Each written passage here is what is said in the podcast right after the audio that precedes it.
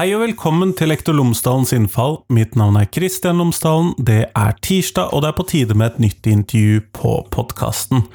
Denne uken så snakker jeg med Gunvald Versnes fra Universitetet i Stavanger, hvor han er stipendiat. Vi skal snakke om podkastpedagogikk, altså hvordan vi bruker eh, podkast som undervisnings-, vurderings-, læringsform. Altså, eh, hvordan kan det bidra inn i undervisningen? Kan det erstatte noe for vår del? Kan det gjøre noe for elevenes arbeid? Har dette noe merverdi? Hva er det viktig at vi tenker på når vi bruker podkast som en vurderingsform? Det snakker jeg med Gunvald Versnes om i dagens episode. Ellers, podkasten Lektor Lomsdalens innfall er som alltid sponset av Cappelen Dam Utdanning, og hvis du går inn på skolen.cdu.no, så finner du alle de ressursene som Cappelen Dam har laget i forbindelse forbindelse med fagfornyelsen i grunnskolen. Alle fag, alle tema, alle årstrinn, alt sammen, det finner du der, tverrfaglige temaer. Skolen.cdu.no. Men nå, nå skal du få høre på Gunvald, vær så god.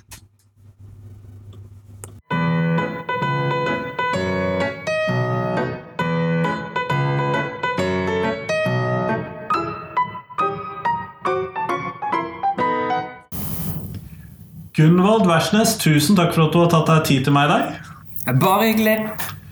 Før vi kommer helt i gang med samtalen, så hadde jeg håpet at du kunne fortelle lytterne mine tre ting om deg selv, sånn at de kan få bli litt bedre kjent med deg.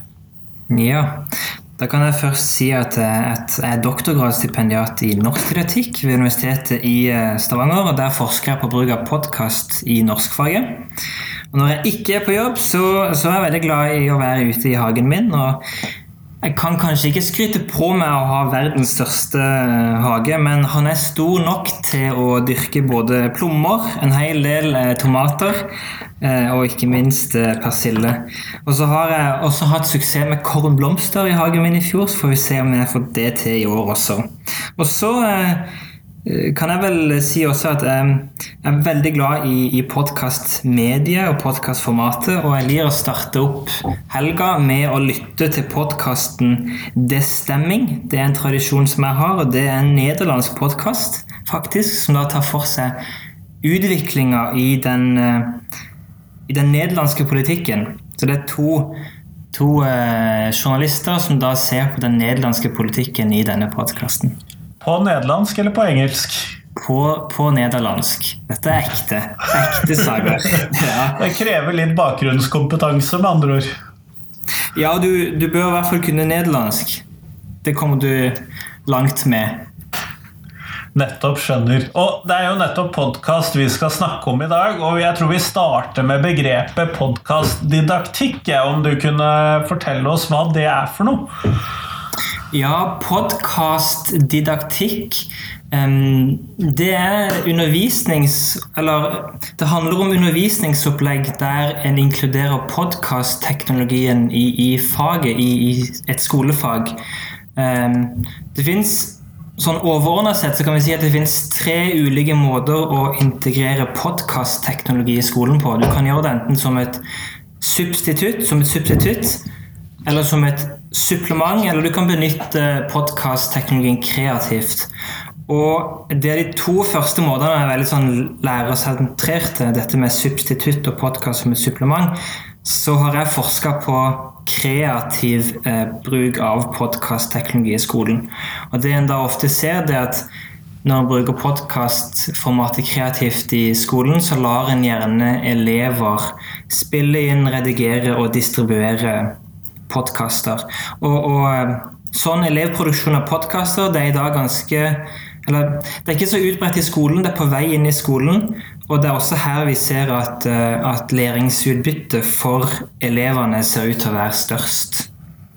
Nettopp, men Hvis vi da først kunne snakke om de to første begrepene du drar fram, og så skal vi hoppe over til disse elevene etterpå.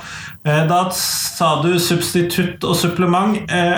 Hvis jeg da bare prøver å forstå dette i utgangspunktet, så substitutt vil da si at man spiller under undervisningen, og så legger man den ut tilgjengelig for elevene til å høre på. Er det det du mener, eller er det noe annet du tenker på enn det?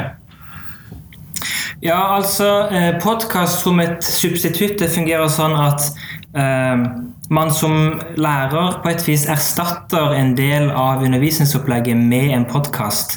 Så, så en bruker eh, formatet, podkastformatet som et reelt substitutt til det en ellers da skulle gjort i undervisninga.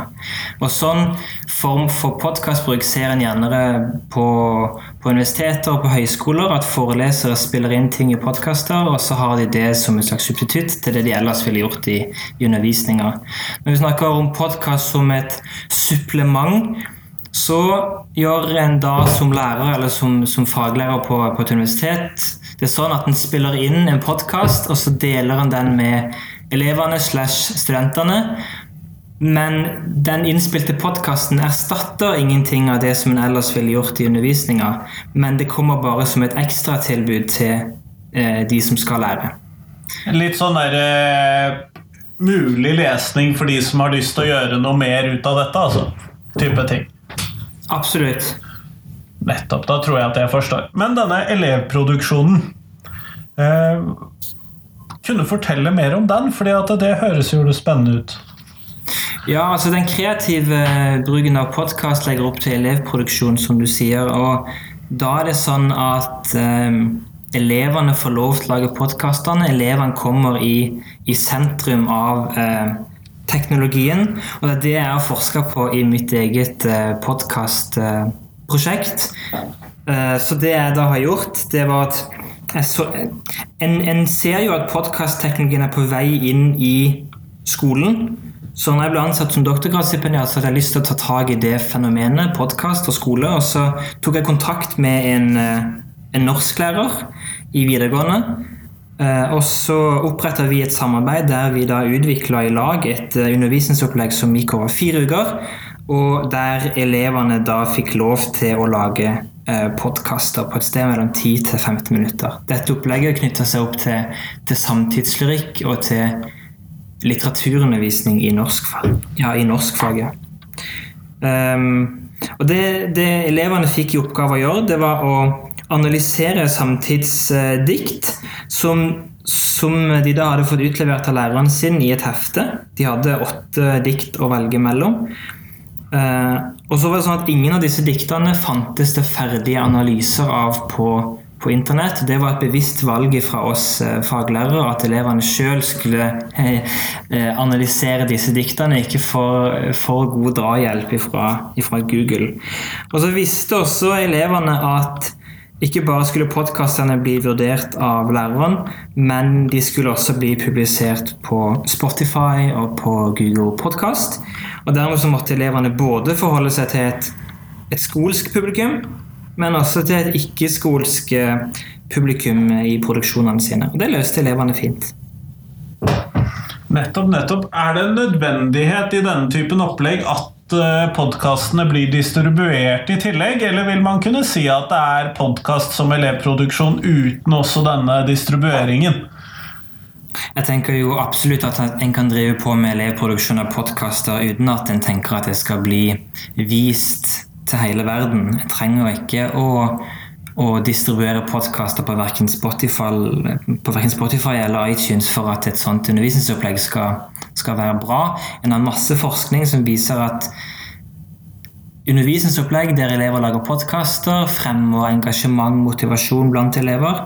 Det tror jeg har sammenheng med at de blir eh, aktive produsenter av kunnskap. De må ta stilling til ok, hva inkluderer vi i denne podkasten vår som vi skal lage. og hva, hva, hva, er ikke nok relevant til at det finner veien inn i vår podkast. Og sånne sånne spørsmål som det, hva er viktig informasjon, hva er ikke viktig informasjon, det driver gode læringsprosesser. Og, og um, krever altså ikke at en deler dette i etterkant uh, på Spotify, f.eks. Nettopp, nettopp. Eh, men når, når, du da skal sette elevene til å gjøre noe sånt som dette, så jeg aner meg at noen av dem vil si at de hater sin egen stemme. og hører ja. den i opptak. Jo da, det er mange som forteller det, at, eh, at, de setter ikke pris på å høre på sin egen stemme, men at det samtidig eh, Det ligger vel ikke en stor hindring for elever. Og så forteller mange av de at eh, etter at de har hørt sin egen stemme et par ganger, så, så, så, går det fint. Det er ofte sånn at når en lager podkaster, så spiller en inn flere opptak. Og, og særlig hvis en er ny eh, som, eh, ja, i podkastverdenen så spiller en gjerne inn opptak på to minutter, og så, og så hører en gjennom det opptaket. Fungerte det, fungerte det ikke? Skal vi ta det på nytt eller ikke? Og sånn jobber gjerne elevene at de de spiller inn et opptak, så lytter de på seg sjøl, og så var det kanskje kleint første gang, men så går det over, og det går bra etter hvert. Nettopp. Er det noen sånne særlige sånn Hva er det du tror man får mest ut av da, når man uh, bruker dette som uh, uh, elevproduksjon i timene? altså, hva tror du elevene får mest ut av ved dette? Ja, En del forskning peker på at veldig mange elever setter pris på at de får uttrykt kompetansen sin muntlig. Ehm, husk på det at i skolen så er det ofte sånn at eh, en ber elever uttrykke kompetansen sin skriftlig. En tar skriftformatet litt for gitt. Um, og så tenker en gjerne ikke over som lærer at når en vurderer elevers kompetanse, så vurderer en mange ganger også elevenes evne til å uttrykke den kompetansen skriftlig. Sånn at her i podkastproduksjoner så får elever muligheten til det motsatte, nemlig å uttrykke den kompetansen de har, muntlig. Um, og så forteller også mange elever at de setter pris på det å lage podkaster i lag med eh, medelever, det her kollektive prosjektet som en podkast nødvendigvis måtte bli i skolen. Um, og så sier de også, elever, at um, de opplever podkastformatet som en slags Det fungerer som en trygg vurderingsform. fordi at, som vi var litt inne på, podkastproduksjonsprosessen eh, den, den, kan den foregå over mange steg, der en først spiller inn, så lytter en på det en har kommunisert, og så kan en spille inn opptak på nytt, eller eh, legge til, trekke fra, redigere opptaket, sånn at en blir fornøyd som, som elev. Sånn at elevene i motsetning til, til, et eh, foredrag der en som elev står foran klassen og føler gjerne at hele verden står og faller på disse neste 15 minuttene, så kan en som elev i podkastformatet eh, senke skuldrene litt, for en vet at en kan spille inn eh, opptakene flere ganger. Jeg ser at det kan være en bonus for eleven. Jeg ser det. Eh, men når når de da skal gjøre denne prosessen, eh, har du noen tips til lærerne da, som må sørge for at disse elevene har det de trenger og kan gjøre disse tingene? Ja, altså um, Fra et lærerperspektiv så tenker jeg at du um, du bør um, sette opp noen, noen, tydelige vurderingskriterier for elevene før de går i gang med eh, podkastarbeidet. Altså, elevene må være klar over hva er det du som lærer skal vurdere når de nå skal gå i gang med å lage podkaster. Um, og så bør jo du som lærer da ikke sant, vel ramme inn bruken av podkast i en faglig eh, kontekst. Um, og dermed så så tror jeg nok også at um, du som lærer bør, eh, bør, gjennomføre kanskje helklasseundervisning om den tematikken som du da vil at elevene skal snakke om i podkastformatet, sånn at de har noe å gå på når de skal gå i gang og lage podkaster. Og så tenker jeg også at Um, du som lærer bør vise elevene eksempelpodkaster. Hva er en god podkast? På lik linje som at mange lærere er veldig flinke til å vise fram eksempeltekster i skriveopplæringa for elevene, så bør du også som lærer eksemplifisere ok, hva er en god podkast. Hvordan starter du opp en podkast? Hvordan avslutter du en, en, en podkast? Og hvordan driver du en god podkast eh, framover? Husk å stille spørsmål til hverandre. Vær åpne og bygg videre på det andre har sagt, f.eks. Og så tenker jeg også at um, en som lærer bør dele inn gruppene sånn at um, en får både gutter og jenter i alle gruppene. Um, ofte kan det være vanskelig, særlig i skolealder, blant både gutter og jenter å skille elevene fra hverandre. Hvem er hvem i podkasten? Hvis du får både mannlige og kvinnelige stemmer i en og samme podkast, så, så, blir det et slags uh, ja, mer dynamikk i, i podkasten. Og så bør du gi elevene eh, god tid til å spille inn podkastene. Men en trenger ikke eh, dyre mikrofoner eller store studier for å spille inn podkast i skolen. Elevene trenger stort sett bare en telefon og, og kanskje en eh, app. Ja, Hva tenker du på da, som utstyr? I mitt prosjekt så har elevene fått, eh, eller blitt bedt om å lage podkaster i en app som heter Anchor. Og Det er en app som, eh, som lar elevene eh, spille inn, redigere og distribuere podkaster. Sånn at appen Anchor tar hånd om hele produksjonsprosessen fra begynnelse til slutt når, når elever lager podkaster. Hvis en som lærer inkluderer eller tar i bruk appen Anchor, så må du være klar over at den, den appen er sånn at elevene uansett må distribuere podkasten på eh, plattformer som Google Podcast og, og, Spotify, og da bør helst elevene være over 16 år for å på en måte offentlig samtykke til at det um, skal gå bra. Um, men det, det fins muligheter der du som lærer kan si lag podkasten din gjennom appen Anchor. Og Så går du inn på nettsida til denne appen og så laster du ned lydfiler lokalt på datamaskinen din. og Så går du tilbake igjen på telefonen din og sletter, app, nei, og sletter den podkasten som du nettopp publiserte. Da har du på en måte brukt hele app eh, ja, hele appen, men du har på en måte tatt bort dette her distribueringspoenget fra Anchor sin side. Nettopp. Og så regner jeg jo med at det fins andre lydspillingsapper uh, osv. også, som jo på mange måter kan gjøre det samme. Kanskje mer komplisert, da, men Ja, en har gratisprogrammer som Audacity på internett. Altså har eh, alle som har Apple-produkter, det er ganske mange av elevene, de har tilgang til GarageBand. Sånn at um, Jeg tenker at elevproduksjon av podkaster i, i skolen det ligger veldig godt til rette for det, fordi at det, er, det krever ganske lite digitalt utstyr. Nettopp, nettopp. Men gir dette her noe eh, Fordi at du snakket om at dette var noe som eh, elevene satte pris på fordi at de da fikk gjort en muntlig presentasjon. Eh, hva tenker du at det gir for noe mer enn det å holde et foredrag, da, f.eks.? Ja, jeg tenker først og fremst at um, podkast kan være et nytt alternativ, egentlig. At jeg ser jo ikke podkast som en erstatning for f.eks. en litterær samtale eller uh, en, et foredrag der eleven lager en powerpoint. Um, og I sånne oppdrag der elever lager powerpoint, så kunne du også hevde at uh, elevene blir aktive produsenter av et innhold. For powerpointen i seg selv er jo et innhold. Sånn at, eh, eller et produkt. Sånn at eh, jeg tenker mer at podkast og elevproduksjon av podkast særlig er et, et alternativ uh, til, til, lærere. Og uh, kan legges inn i på en måte verktøybanken til hva en kan be elever gjøre i, i skolen. Uh, og så har vi god forskning som underbygger at, at det fungerer. Og så vet en også at det er praktisk gjennomførbart i skolen. Um, ja.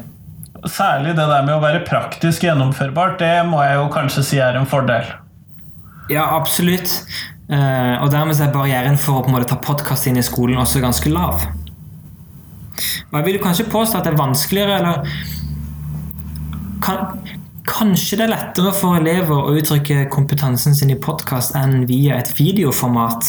I et videoformat så har en både lyd og bilde, mens når en lager podkaster, så forholder en seg kun til til bilde, nei, til, til, lyd, og at det da er lettere.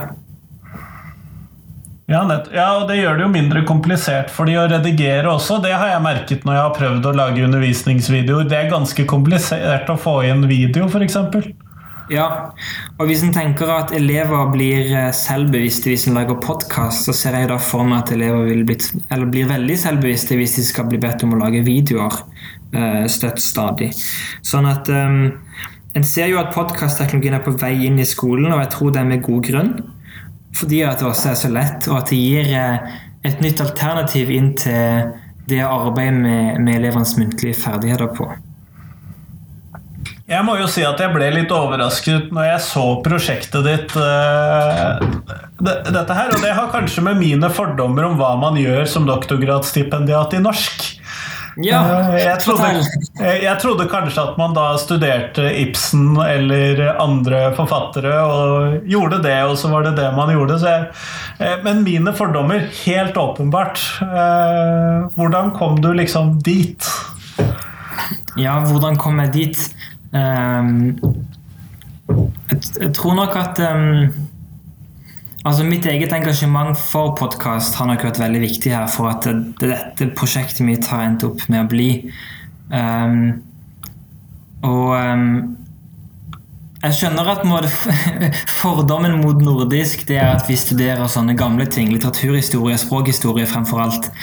Uh, og, og, men jeg ser jo på meg sjøl mer som en skoleforsker, og at mitt uh, mitt forskningsobjekt er norskfaget og norsk klasserommet. Og da eh, kan en studere litteraturhistorie og språkhistorie i lys av klasserommet, men det blir helst da didaktisk for mitt vedkommende. Og så har jeg hatt litt lyst til å skrive en doktorgrad som eh, kanskje kan være med å utvikle norskfaget og vise eh, nye retninger for norskfaget. Og så Eh, skrev jeg mastergrad om en bruk av eksempeltekster og skriveopplæring.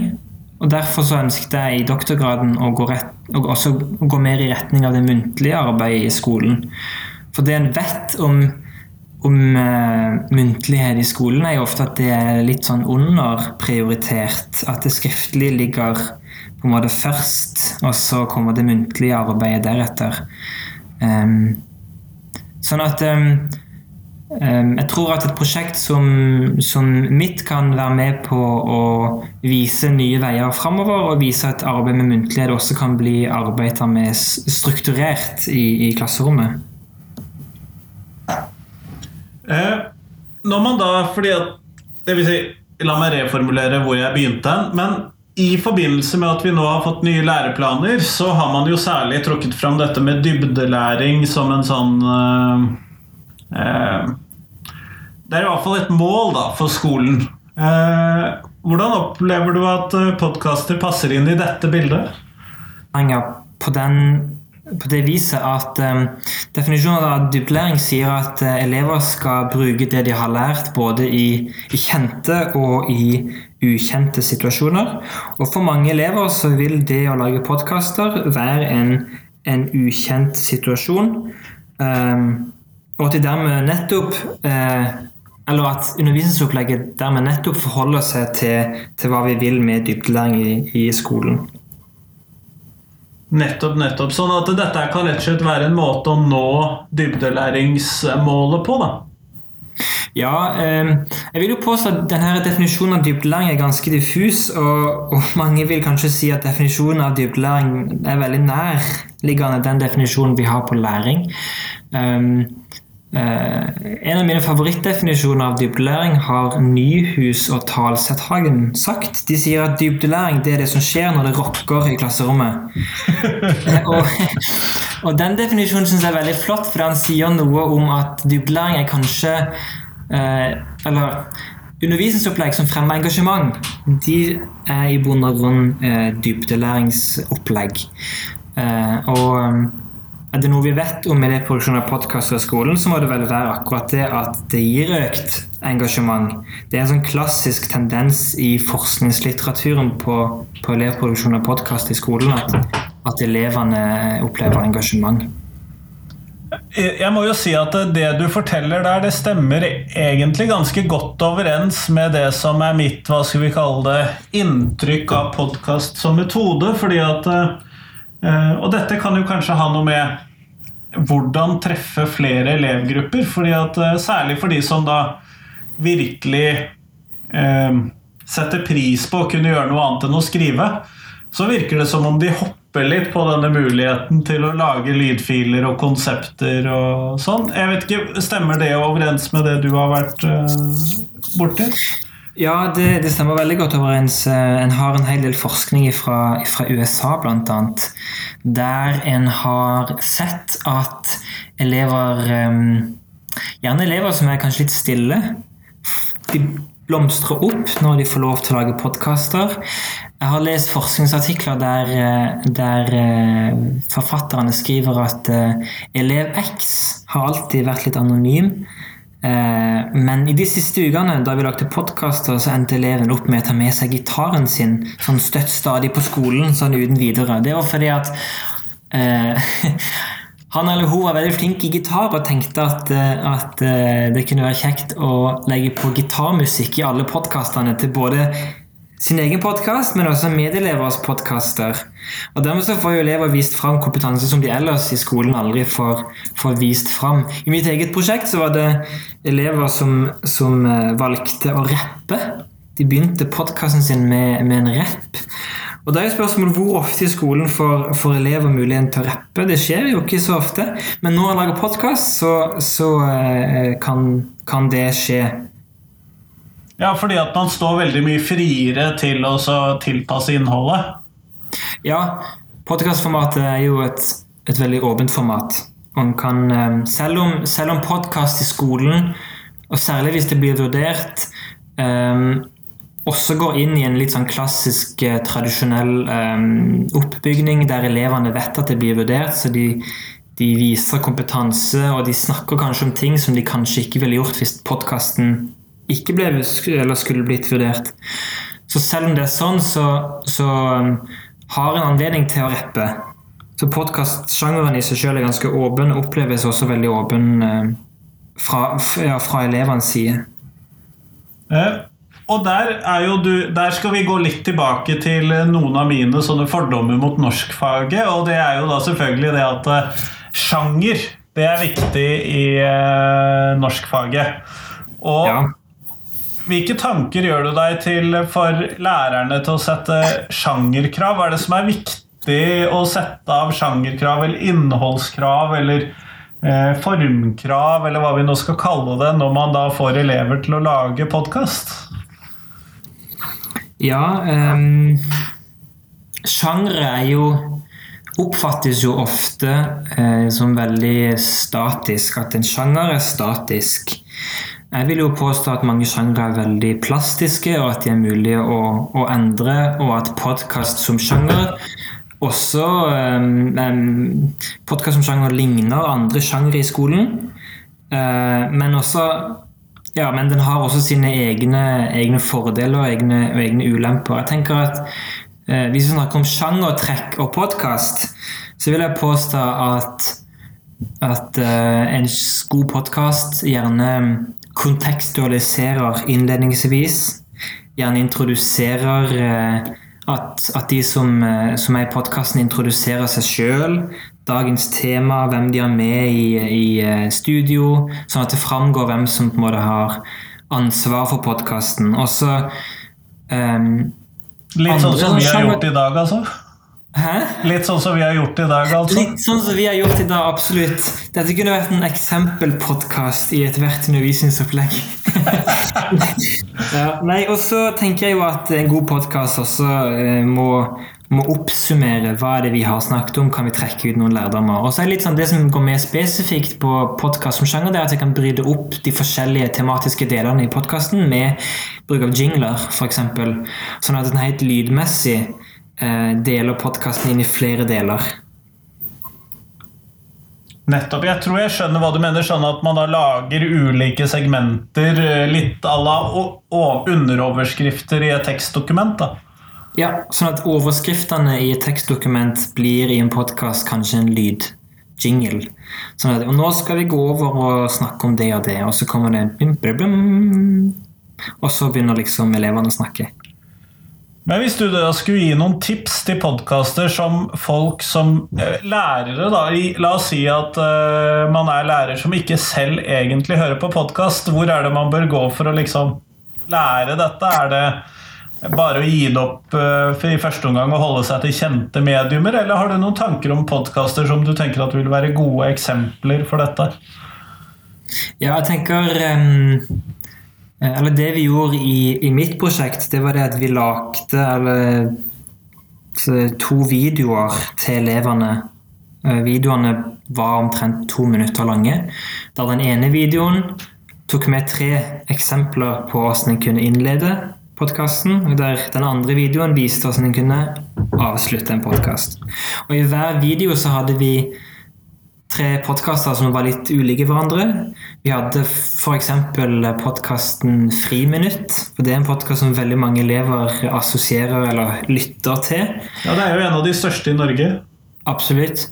Eh, så tok vi et, et utdrag fra en innledning til en podkast de hadde. Og så hadde vi en podkast eh, fra Skipsted, altså Aftenpodden. Som er mer saklig og går på egentlig norsk politikk. Og så hadde vi en mer sånn livsstilspodkast, den podkasten til uh, Vanessa Rudjord.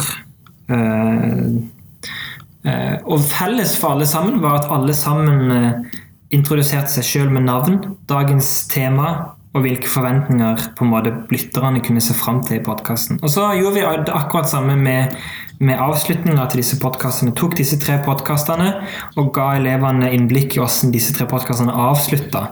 Og da var poenget akkurat det samme, at de eh, takka for at, eh, for at du som lytter hadde lytta. Uh, og at de gjerne kommer med en teaser til neste gang. Vi høres neste uke, og da skal vi snakke om Eller uh, gå inn på nettsida vår i mellomtida, der kan du få mer informasjon om osv. Nettopp. Så, så, det trenger liksom ikke å være de helt sånne store forberedelsene sånn sett, når du da sier to minutter videoer eh, kort Du hadde jo en relativt da kort sånn, hva skal vi kalle det, sjangerintroduksjon? da?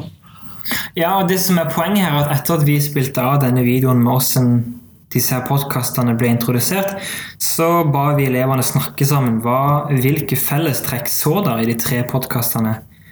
Eh, og så var det opp til elevene sjøl å avkode at eh, jo, alle introduserer seg sjøl med, navn. Alle sier tittelen på podkasten i i løpet av de første minuttene av podkasten. Eh, og de sier også noe om dagens tema, f.eks. Og så var det også et poeng at elevene skulle oppdage at det her med jingler var en ting, og bakgrunnsmusikk. At noen podkaster starter bare direkte med en jingle, andre velger å, å, komme med en stinger, som det kalles. At eh, programleder snakker gjerne litt, og så kommer det en jingle. Sånn at elevene skulle forstå at det var eh, et mangfold av både måter å starte opp på. Nettopp, nettopp. Og det er jo viktige elementer. Jeg, eh, når du kommer med disse eksemplene, så hører jeg jo de podkastene jeg vanligvis hører på, som gjør veldig mange ulike ting, men de passer veldig godt inn i kategoriene du peker på her nå. Ja, en ser jo det at podkaster eh, De gjør mye av det samme, podkastene. Og særlig innledningsvis så er det alltid synes jeg er veldig gøy å lytte til hvordan velger podkasten å presentere seg sjøl. Fordi at en kan gå veldig personlig til verks, eller en kan gå, med, gå mer formelt til verks. En kan gå rett på jingler, eller en kan velge å, å snakke litt først, og så kommer en jingle. Um, og særlig en podkast som Friminutt var jo kjent for å være veldig personlig og veldig, hva skal vi si, um, uf uformell i stilen.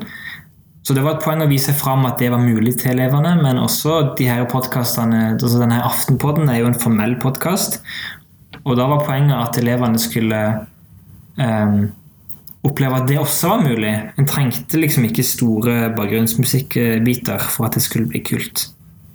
Nei, og for mange så vil jo Greit nok, det er jo fint for oss som eh, hører vanlig osv., men med tanke på det at det skal være tilgjengelig for flere, så er det med bakgrunnsmusikk er jo en fallgruve også. Ja, absolutt. Eh, og en ting som jeg har lyst til å kommentere når det gjelder elevproduksjon og podkaster i skolen, det er at ofte vil jo elevene oppleve at den kvaliteten de har spilt inn i sine podkaster, er svakere enn det som NRK får til i et studio. Men sånn vil det jo alltid måtte bare bli, fordi NRK har et stort studio til flere hundre tusen kroner. Og det har ikke skolen eh, du går på. Ehm, sånn at Når en legger opp til produksjon av podkaster, så vil en også som lærer motta podkaster som er litt mer sk skranglete i, i lydbildet, men, men det syns jeg også er litt, um, litt fint.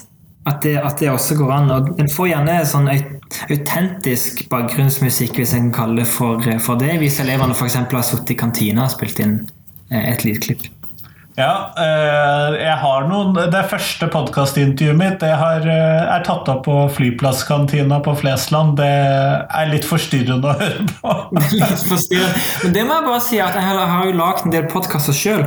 Og de podkastene som jeg setter mest pris på sjøl, de er ofte spilt inn i veldig sånn autentiske miljøer. Altså sånn dokumentarpodkaster, f.eks. Der en aktivt har gått ut og, og lagd bakgrunnsmusikk. Eller bakgrunnslyd til podkasten. Det syns jeg er veldig fint å høre på. Sånn at programlederen går liksom en tur i skogen, og så hører du eh, Traskingen, ja. Ja, du hører traskinga. Sant vel? Ja, eh, og det er jo selvfølgelig Det er jo et virkemiddel. Akkurat som mange virkemidler som man har i tekstbaserte eh, oppgaver. Ja, absolutt. Og hvis du som lærer går inn for at du ønsker at elevene skal, skal gjøre dette, så kunne du ha lagt det inn som et slags vurderingskriterium at elevene måtte dette, dette ville da kanskje blitt Kanskje gang nummer to at elevene lagde podkaster. At de først hadde fått litt erfaring bare med å spille inn og, og sant vel lage podkaster, men at du ved gang nummer to ga din utfordring at uh, i denne podkasten så nytter det ikke bare å sitte i studio liksom og spille inn, men de må også ut på gata og invitere eller å intervjue en, en person som da skal være uh, i et annet uh, lokale. Mm. Ja, jeg hører jo at man kan jo bruke veldig mange av disse vurderingstrekkene, vurderingskjennetegnene osv. som man bruker på skriftlige vurderinger eller på muntlige vurderinger ellers, også inn i dette. da. Ja, Utdanningsdirektoratet har eh, vurderingskriterier for det de har kalt for skjermvideo slash eh, Ja, nå husker jeg ikke det siste, men det, det, det er i hvert fall skjermvideo. Det tror jeg du må sende meg, så vi kan slenge i shownotene til de som uh, sitter og hører på dette her, sånn at de kan bla opp det. For det tror jeg hørtes gøy ut. Ja, for det som er Poenget er at du kan med utgangspunkt i de vurderingskriteriene uh, be elever lage podkaster.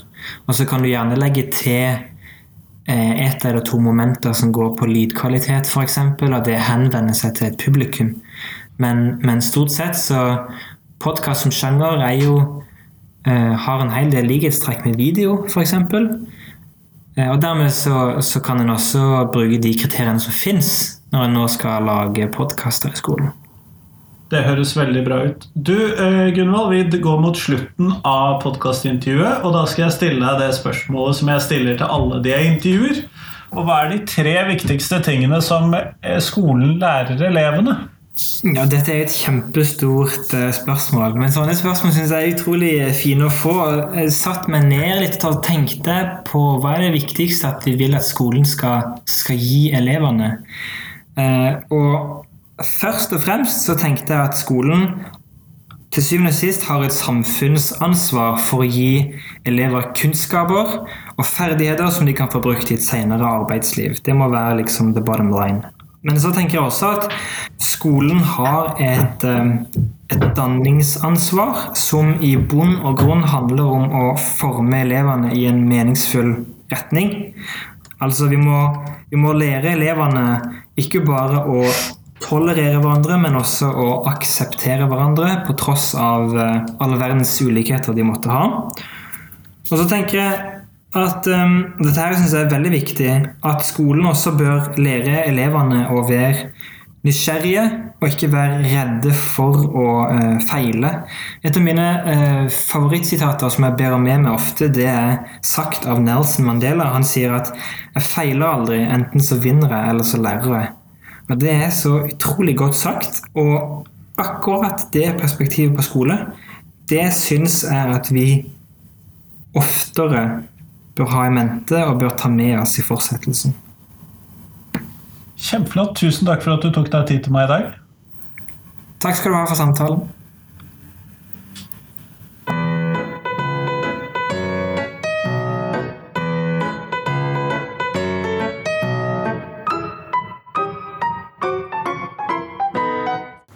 Tusen takk til Gunvald, og tusen takk til deg som hørte på. Nå er det fram til torsdag. Da kommer jeg med en liten nyhet, så kan jo du vente i spenning til du ser hva som kommer på torsdag. Det er bare en kort, liten melding, men den kommer på torsdag. Så kommer det en ny reprise, det kommer på lørdag. Og så kommer det en ny Nei, vent, det kommer på fredag. For jeg vet faktisk ikke hvorfor jeg begynte å legge reprisene på lørdager. Jeg pleide jo å ha ekstraepisoder på fredager. Så den reprisen den kommer faktisk på fredag. Fordi at eh, nå fant jeg ut nå kan jeg endre det tilbake, når jeg nå uansett skulle spille inn repriseintroene på nytt. Vel. Og så kommer det en ny episode på tirsdag. Det gjør det, og det gleder jeg meg til, for det er som alltid spennende. Og så er det noe spesielt med neste tirsdagsepisoden. For det er faktisk ikke jeg som gjennomfører intervjuet, det er jeg som blir intervjuet. Og det er jo kanskje noe nytt. Men det får du høre mer om neste tirsdag. Ha en fin uke. Hei, hei.